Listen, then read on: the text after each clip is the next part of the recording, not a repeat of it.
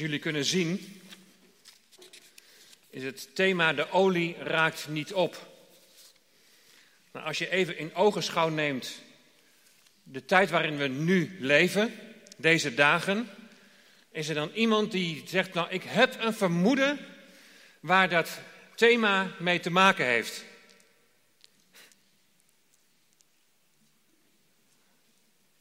Ik zie Koert daar en ik zie ook Siete. Nou Siete, waar gaat het over denk je?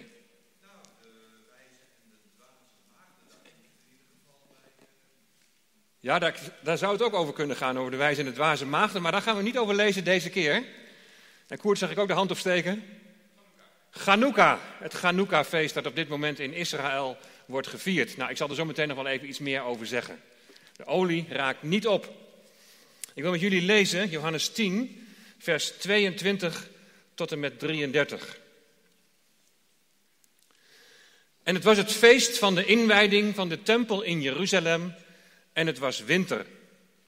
En Jezus liep rond in de tempel in de zuilengang van Salomo.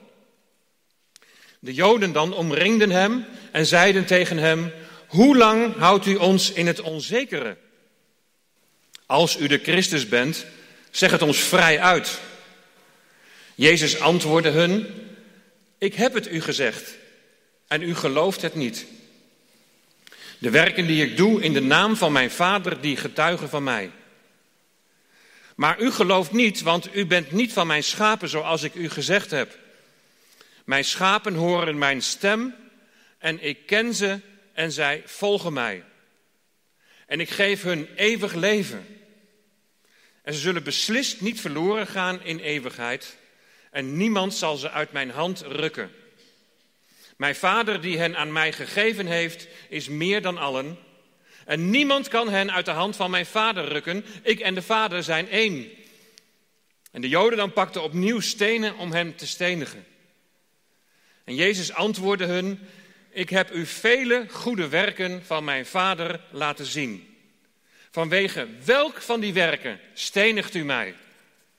En de Joden antwoordden hem: Wij stenigen u niet vanwege een goed werk, maar vanwege godslastering. Namelijk omdat u, die een mens bent, uzelf God hebt gemaakt.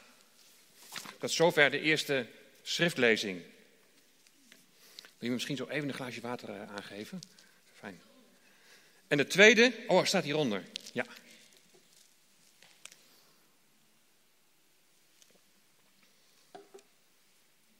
De tweede schriftlezing, en dan gaan we weer door in handelingen waar we mee bezig waren, is handelingen 8, vers 1 tot en met 8. Ze dreigen de Heer Jezus te stenigen. Hij ontkomt aan die steniging. En hier in Handelingen 8 is er net een steniging achter de rug. De steniging van Stefanus. En Saulus, die stemde van harte in met zijn dood, de dood van Stefanus. En er ontstond op die dag een grote vervolging tegen de gemeente in, die in Jeruzalem was. En ze werden allen verspreid over de landstreken van Judea en Samaria. Behalve de apostelen. En Godvrezende mannen droegen Stefanus samen naar het graf en bedreven grote rouw over hem. En Saulus begon de gemeente te verwoesten. En hij ging de huizen binnen, sleepte mannen en vrouwen mee en leverde hen over in de gevangenis. Zij dan, die overal verspreid waren, trokken het land door en verkondigden het woord. En Filippus daalde af naar de stad van Samaria en predikte hun Christus. En de menigte hield zich eensgezind aan wat door Paulus gezegd werd, omdat zij luisterden en de tekenen zagen die hij deed. Want bij velen die onreine geesten hadden, gingen die er onder luid schreeuwen uit en veel verlamden en kreupelen werden genezen. Er ontstond grote blijdschap in die stad. Tot zover de schriftlezing.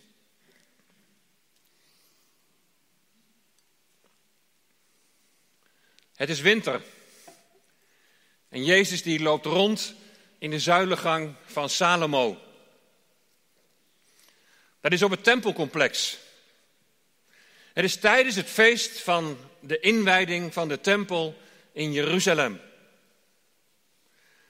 Dit feest is niet om de inwijding van de tempel ten tijde van Salomo te gedenken, de eerste tempel. Ze, denken, herdenken ook niet de inwijding van de herbouwde tempel door Ezra en Nehemia, de tweede tempel. En het gaat ook niet om de inwijding van de gerestaureerde tweede tempel door Herodes. Het was trouwens een politieke meesterzet van Herodes om naast de vele Hellenistische Griekse projecten, zoals gymnasia en tempels, paleizen, havens, imposante monumenten, wat je onder andere bijvoorbeeld in, in Caesarea kunt bewonderen. Het was een politieke meesterzet om ook in Jeruzalem te investeren en de religieuze achterban een beetje tevreden te houden door de tempel te verfraaien. Nee, het gaat om een ander inwijdingsfeest op een ander moment in de geschiedenis die niet in de Bijbel staat beschreven. Het gaat namelijk om de periode tussen het Oude en het Nieuwe Testament. Er staat wel iets over beschreven in de apocryfe boeken. Dat zijn de boeken die de Bijbel niet hebben gehaald. Bijvoorbeeld 1 en 2 Maccabeeën. En ook de Romeins-Joodse geschiedschrijver Flavius Josephus, die heeft er het nodige over vermeld. Het gaat over de periode 175 tot 164 voor Christus. Antiochus Epiphanes IV, die is dan heerser over het zogenaamde Seleucidische Rijk. En hier zie je dit plaatje. Uh, daar zie je de omvang van dat rijk in die tijd. En Antiochus Epiphanes die veroverde onder andere Jeruzalem. En dan staat daar het volgende over geschreven.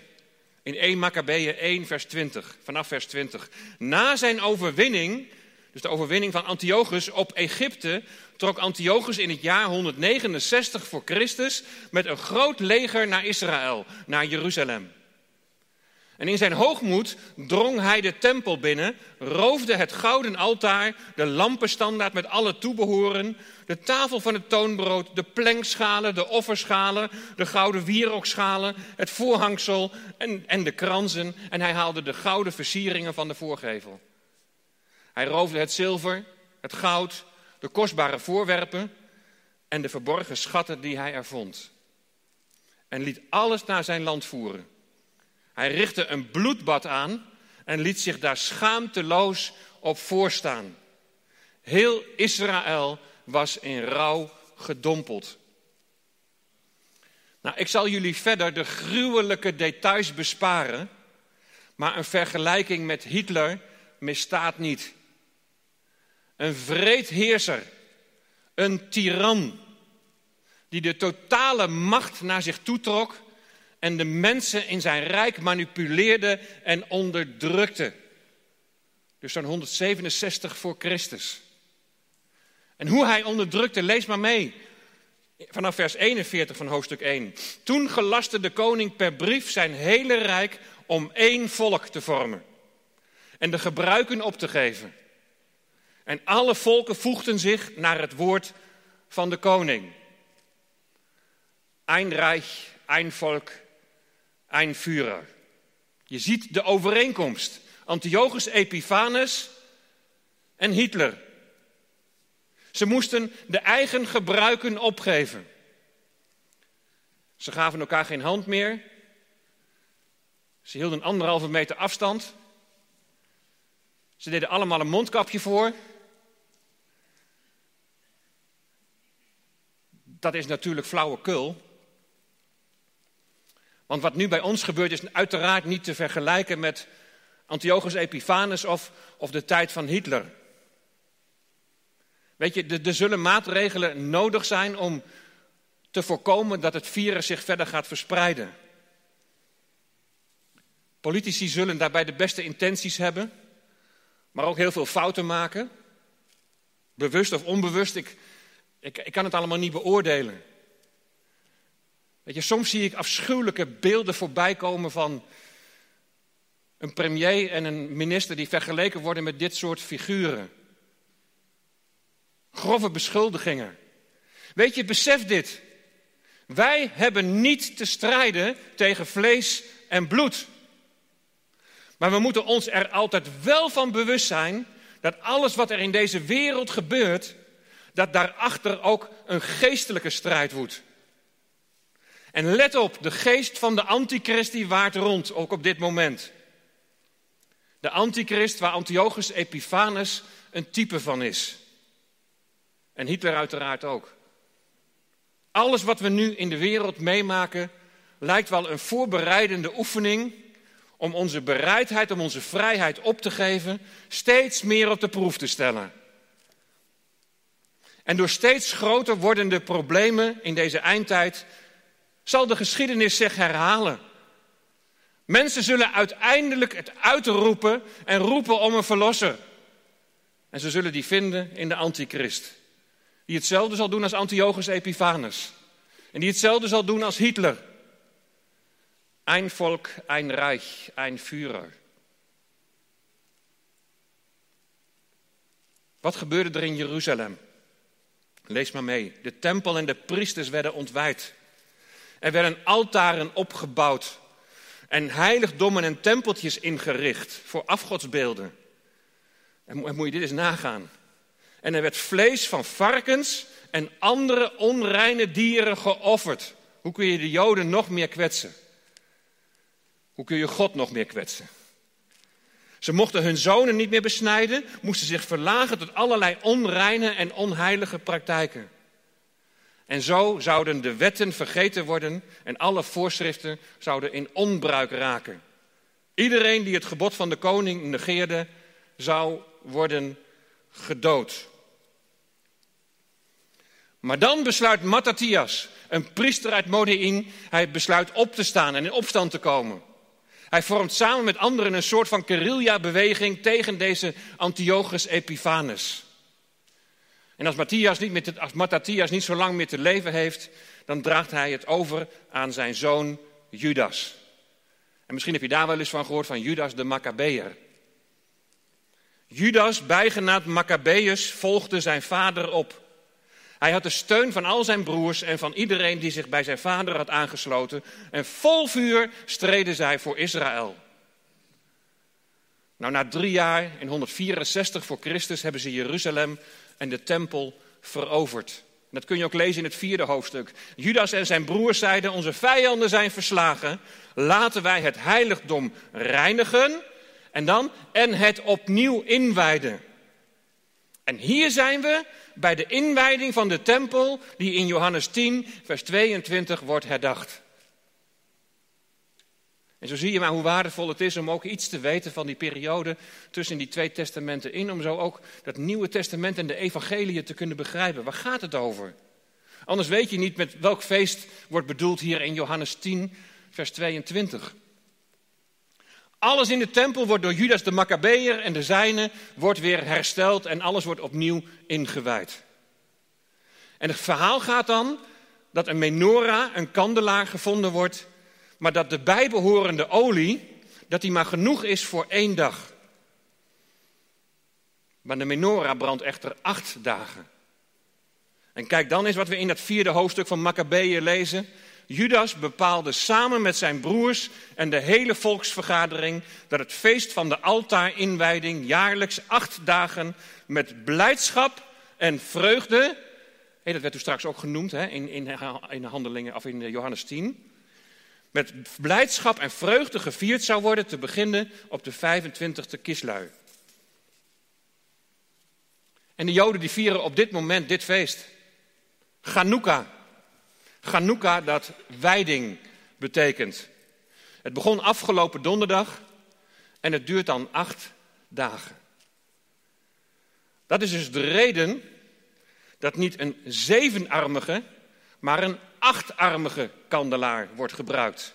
En dan steekt ook nog een kandelaar iets bovenuit, maar het vuur van die kandelaar wordt gebruikt om de andere zo elke dag aan te steken. Nou, als je die hele geschiedenis, hè, als je het nou zo in je achterhoofd houdt, en je weet hoeveel strijd het heeft gekost om de tempel te heroveren en om de tempel weer opnieuw in te wijden, dan is het misschien beter te begrijpen dat het woedende reacties oproept als Jezus En later Stefanus. En ook Paulus na zijn bekering als zij allerlei confronterende uitspraken over de tempel doen. Johannes die vertelt aan het begin van zijn evangelie dat Jezus bezoek aan de tempel kort voor Pesach, dat het op een heftige confrontatie uitloopt. Bij het zien van alle handel op het tempelplein komt Jezus in actie. En met een touw drijft hij de kooplei weg. De, de geldwisseltafelaars duwt hij om. En het geld werpt hij op de grond. Openlijk verwijt hij de handelaren dat zij het huis van God de Vader tot een koopmarkt hebben gemaakt. Dat je, de Heer Jezus keert zich niet tegen de tempel en ook niet tegen de tempeldienst. Maar hij verafschuwt dat de tempel de functie van aanbidding dreigt te verliezen. Jezus wil de tempeldienst wil hij terugvoeren naar zijn oorspronkelijke bedoeling. Vrij van commerciële belangen. Vrij van eerbetoon aan de koning of eerbetoon aan de Romeinen. Vrij van eerbetoon aan wie dan ook, dan alleen aan de God van Abraham, Isaac en Jacob. En vrij van zelfgenoegzaamheid. Vrij van prestaties van, van, van mensenhanden. En de Joden zijn ontdaan door deze actie van Jezus. En, en ze vragen hem, welk teken laat je nou zien dat jij gerechtigd bent om dit allemaal te doen? En dan antwoordt Jezus, dus houd het verhaal van Antiochus even in je achterhoofd, van Judas de Maccabeer, het heroveren van de tempel, de strijd. En dan zegt Jezus, breek deze tempel af. En in drie dagen zal ik hem opbouwen. Kun je je voorstellen hoe heftig dat binnenkwam? Want ze namen het letterlijk. Terwijl Jezus daar zijn lichaam mee bedoelde. En die Joden die, die nemen het dus letterlijk en, die, en die zeggen dan ook tegen hem... 46 jaar is aan deze tempel gebouwd en u zult hem in drie dagen later herreizen? De woede is helemaal te begrijpen. De tempel die zo'n 200 jaar geleden heroverd is en opnieuw ingewijd, zal hij die dan nu even gaan afbreken? Tijdens het inwijdingsfeest in Johannes 10 dagen ze hem uit. We hebben het gelezen. Als u de Christus bent, als u de Messias bent, zeg het dan vrij uit. Maar ik heb het al gezegd, zegt Jezus. En jullie hadden het ook aan mijn werken, hadden jullie het kunnen zien. Maar jullie geloven niet, omdat jullie niet van mijn schapen zijn. Mijn schapen die horen mijn stem en die volgen mij. Weet je, ze begrijpen het niet, ze pakken het niet, ze snappen het geestelijk niet. Als Jezus het over het afbreken van de tempel heeft, heeft hij het over het afbreken van zijn eigen lichaam. En dan vertelt de Heer Jezus wat de schapen die wel luisteren naar zijn stem, wat die voor belofte met zich mee mogen dragen. Ik geef hun eeuwig leven. En ze zullen beslist niet verloren gaan. Niet verloren gaan in eeuwigheid. En niemand zal ze uit mijn hand rukken. Mijn vader die hen aan mij gegeven heeft, is meer dan allen. En niemand kan hen uit de hand van mijn vader rukken. Ik en de vader zijn één. En dan breekt de hel los. Dit is godslastering. Ik en de vader zijn één. En de Joden dan pakten opnieuw stenen om hem te stenigen. Voorheen moesten ze de tempel heroveren. En nu zullen ze met alle macht het heroverde beschermen. Maar zien voorbij aan de oprechte intenties van de Heer Jezus, die hen terug wil brengen naar het hart van aanbidding. God wil geen uiterlijke godsdienst. God wil geen mensgerichte inspanningen die door er een geestelijk sausje over te gieten op mensen grote indruk maken. Want dit is wat er gebeurde in de tijd van Jezus. Nee, God zoekt het hart. Hij zoekt jouw hart. Hij is op zoek naar het hart van aanbidding. Weet je, aan de buitenkant kan het bij ons hem allemaal zo prachtig uitzien. Als de pracht van de tempel. Maar hoe is het in je hart? De Heer Jezus weet aan steniging te ontkomen. Bij Stefanus loopt het anders af. We hebben dat vorige week gezien. En ook daar opnieuw weer zo'n tempelconfrontatie. Als Stefanus wordt opgepakt en zich voor het Joodse rechtscollege moet verdedigen, dan verklaart hij dat God niet in een huis woont dat door mensenhanden is gemaakt. Nou, je snapt het al, ze zijn woedend als ze dit horen. En bij het horen van die woorden zijn de rechters er helemaal klaar mee. Hij wordt de stad uitgedreven en hij wordt gestenigd. Ze zijn verblind. De tempel is groter geworden dan de Heer van de tempel. Probeer het al een beetje te vertalen naar onze tijd? Een grote valkuil in onze tijd, voor ons allemaal, is dat het werk van de Heer, zoals zij toen dienden in de tempel, in alle oprechtheid, dat het groter gaat worden dan de Heer van het werk. En zo ongemerkt kan de Heer op de achtergrond raken. Hoe is het met jouw hart van aanbidding? Daarom vond ik het zo mooi, Jacob, net even dat jij gewoon even vooraf aan, aan de verkondiging zei: laten we gewoon eens even stil zijn. Eens even... Stilte is bijna uniek in deze tijd. Gewoon eens even stil worden om, om de stem, we hebben het ook gezongen, om, om ik wil uw stem verstaan. Het hart van, van overgave en van, van toewijding aan Hem die ons lief heeft. God woont niet in een huis door mensenhanden gemaakt. Je kunt God niet opsluiten in een gebouw. Hij is groter. Hij is de schepper. Hij doorgrondt en hij kent jou. Hij kent je hart en hij weet wat in jou is en wat in jou leeft. Hij is zoekende naar het hart van aanbidding. Paulus, die na zijn bekering hetzelfde zegt over de tempel als Stefanus in Handelingen 8. Die is zelf in Handelingen 8 nog niet tot dat inzicht gekomen aangaande de tempel. En hij verdedigt de tempel en de tempeldienst in de volle overtuiging dat hij God dient. En hij dient God, zo denkt hij, door die mensen te vervolgen die van die weg zijn. En hij gaat de huizen binnen, sleurt ze mee en zet ze in de gevangenis. Ach, het begon allemaal zo mooi in Handelingen 2. Maar nu komt de tegenstand op gang. Er is sprake van vervolging, lezen we in vers 1. Letterlijk staat er dat er een klopjacht op gang kwam. Probeer je eens even voor te stellen. Je woont in Emmeloord, op Urk, in Tollebeek, Nagelen, Ens, Marnesse, Luttelgeest, Band, Rutte, Krijl, Espel. Stel dat waar jij woont dat er een klopjacht op jou wordt geopend omdat je in Jezus gelooft. Nou, er zijn mensen onder ons die, die kunnen zich dat voorstellen. Nou, ik nauwelijks. Hoe ga je daarop reageren? En ze vluchten naar het platteland. Wat ga je dan doen? Ga je je met elkaar afvragen waarom God niet ingegrepen heeft? Ga je treuren om het feit dat je niet meer naar de kerk kunt? Ga je met lotgenoten uitgebreid analyseren wat er allemaal is gebeurd en berekenen hoe laat het nu is op Gods tijdsklok? Je uiterste best doen om de eenheid onder de lotgenoten te bewaren? Wat kost dit enorm veel energie? Negatieve, zinloze energie. Wat doen de mensen die Jeruzalem zijn ontvlucht?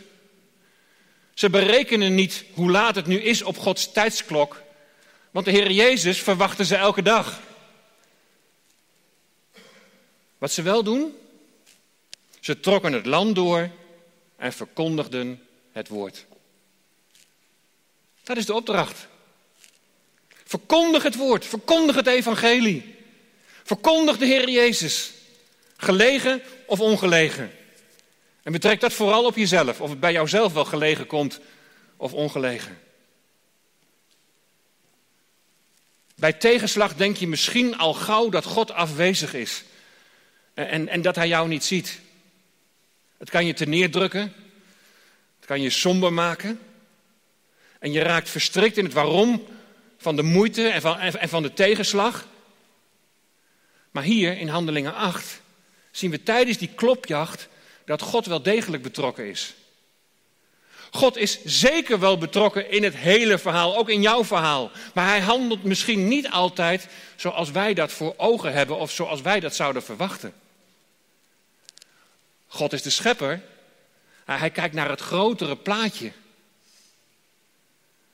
Dat ze verdreven worden naar Judea en Samaria, dat is precies wat God voor ogen heeft.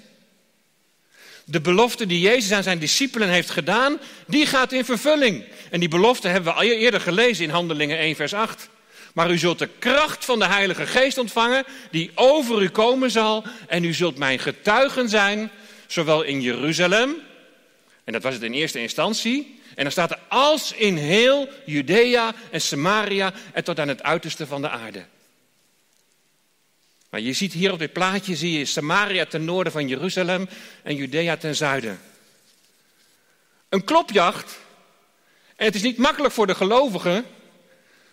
Maar God zijn plan gaat door. En daar gaat het om. Het gaat om Hem. Het gaat om zijn plan dat Hij tot uitvoer brengt. En waar wij een onderdeeltje van mogen zijn. Het evangelie verspreidt zich doordat gelovigen het woord verkondigen, nu ook in Judea en Samaria. Maar laten we naar de toepassing gaan. Wat kunnen we nu met het net genoemde, wat kunnen we nu in relatie tot de tijd waarin wij leven? Weet je, de, de bedoeling van het doorbreken van het boek Handelingen is om te zien hoe Gods geest werkt. Als je in Handelingen begint, staat er boven Handeling van de Apostelen. Maar je zou het ook kunnen noemen Handelingen van de Heilige Geest. En we zien hoe de gemeente zich zo langzamerhand vormt. En vervolgens gaan wij dan reflecteren op wat we daar zien gebeuren. En we proberen dat te vertalen naar onszelf en naar onze tijd. Een tempel, een kerkgebouw, het is allemaal prachtig. Maar als je als gevolg van een klopjacht niet naar de tempel kunt, wat blijft er dan over? Als je als gevolg van overheidsmaatregelen niet naar de kerk kunt, wat blijft er dan over? God zoekt jouw hart. En hij prikt zo door de buitenkant heen. Bij mensen kun je nog de schijn ophouden en misschien ook wel vanuit een stukje, een stukje zelfbehoud. Maar God die kent jou en hij doorgrondt jou.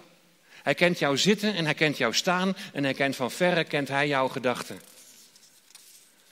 En hij zoekt in alle gebrokenheid van jouw leven, zoekt hij naar jouw hart van aanbidding. Dat je het uit mag roepen, Heer, ik kan het niet alleen en ik wil het niet meer alleen. Maar ik wil op U zien en ik wil op U vertrouwen. Ik wil mijn leven in Uw handen leggen. Ik wil mij overgeven aan U. Leid mij door Uw Heilige Geest. De tempel, dat ben jij. De tempel, dat zijn wij als gemeente.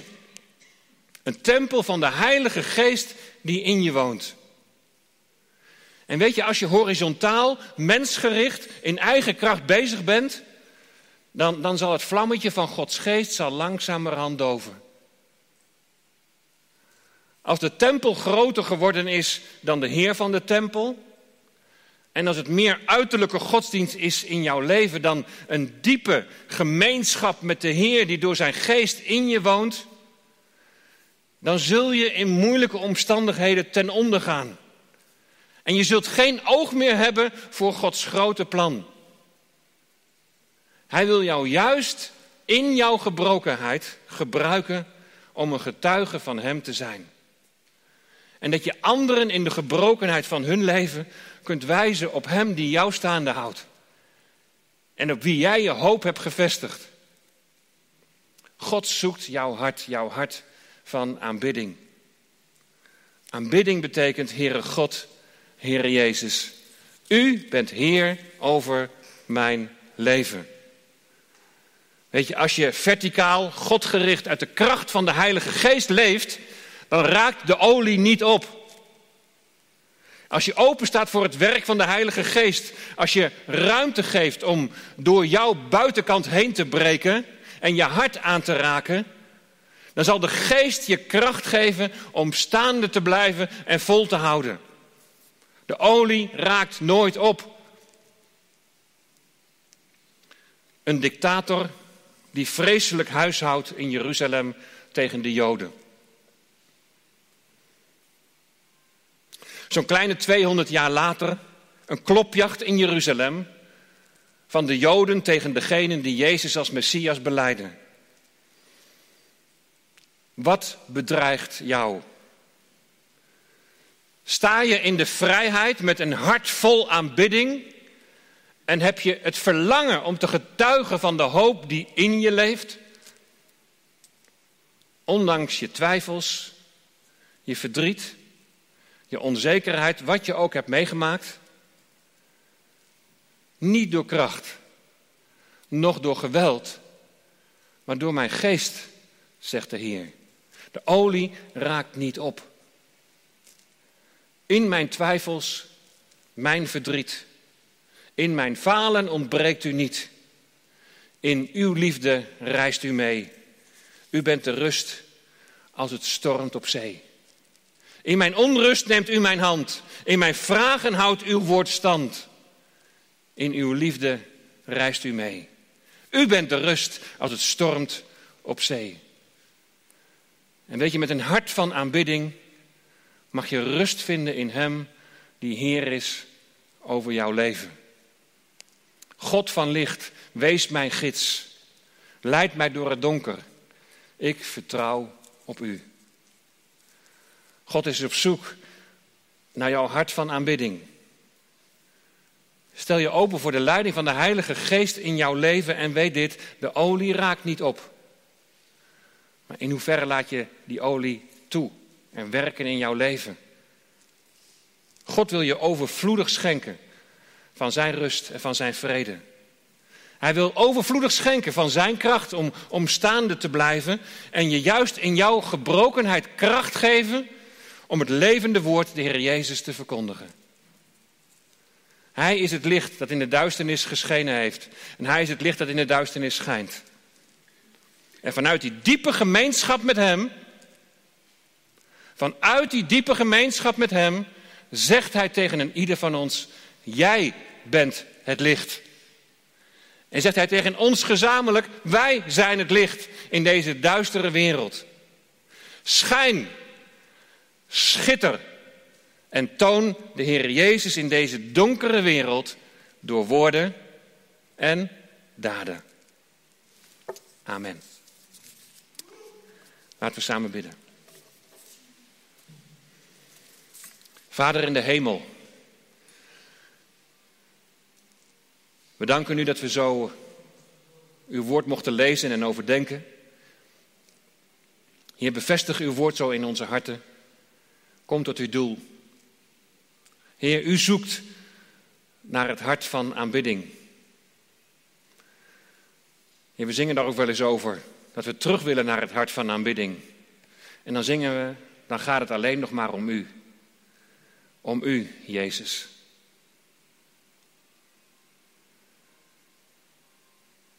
Heer, help ons om verticaal gericht te blijven. Om op u gericht te zijn. Heer, u zoekt ons hart van aanbidding, van overgave. Heer, u kent de gebrokenheid van deze wereld als geen ander. Heer, u kent de gebrokenheid in ieders leven, ook die nu op dit moment luisteren. Dank u wel, Heer, dat u genezing wilt brengen door uw geest. Dat u genezing wilt brengen opdat wij, ondanks die gebrokenheid en de moeite in ons leven, mogen getuigen van de hoop die in ons leeft. Heer, we leven in bijzondere tijden. We zien profetieën in vervulling gaan. We zien alles naar een punt toelopen zoals we daar ook over in de Bijbel lezen.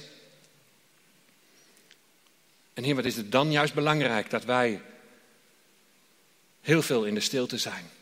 Heel veel ja, bij u zijn. Naar uw stem luisteren. Hoe belangrijk is het dan juist om onze levens onvoorwaardelijk aan u over te geven. En te zeggen, Heer, leid ons op uw weg. Leer ons voortdurend om uw stem te verstaan. Heer, bouw uw gemeente. Ook in deze tijd, dat wij in de duisternis een lichtend licht en een zoutend zout mogen zijn. Heer, we bidden zo ook voor uw volk, dat op dit moment het Chanukka-feest viert. Het feest van het licht, de herinwijding van de tempel. En ik bid zo voor hen, heren, dat ook het licht in hun harten mag doorbreken van degene die u, Heer Jezus, nog niet kennen als Messias. Heer, neemt u de bedekking weg. Openbaar uzelf. Laat uzelf zien. Heer Jezus. Heer, we willen de momenten van stilte zoeken. Om zo onze harten voor u te openen. Heer, kom tot uw doel. Uit genade. In Jezus' naam. Amen.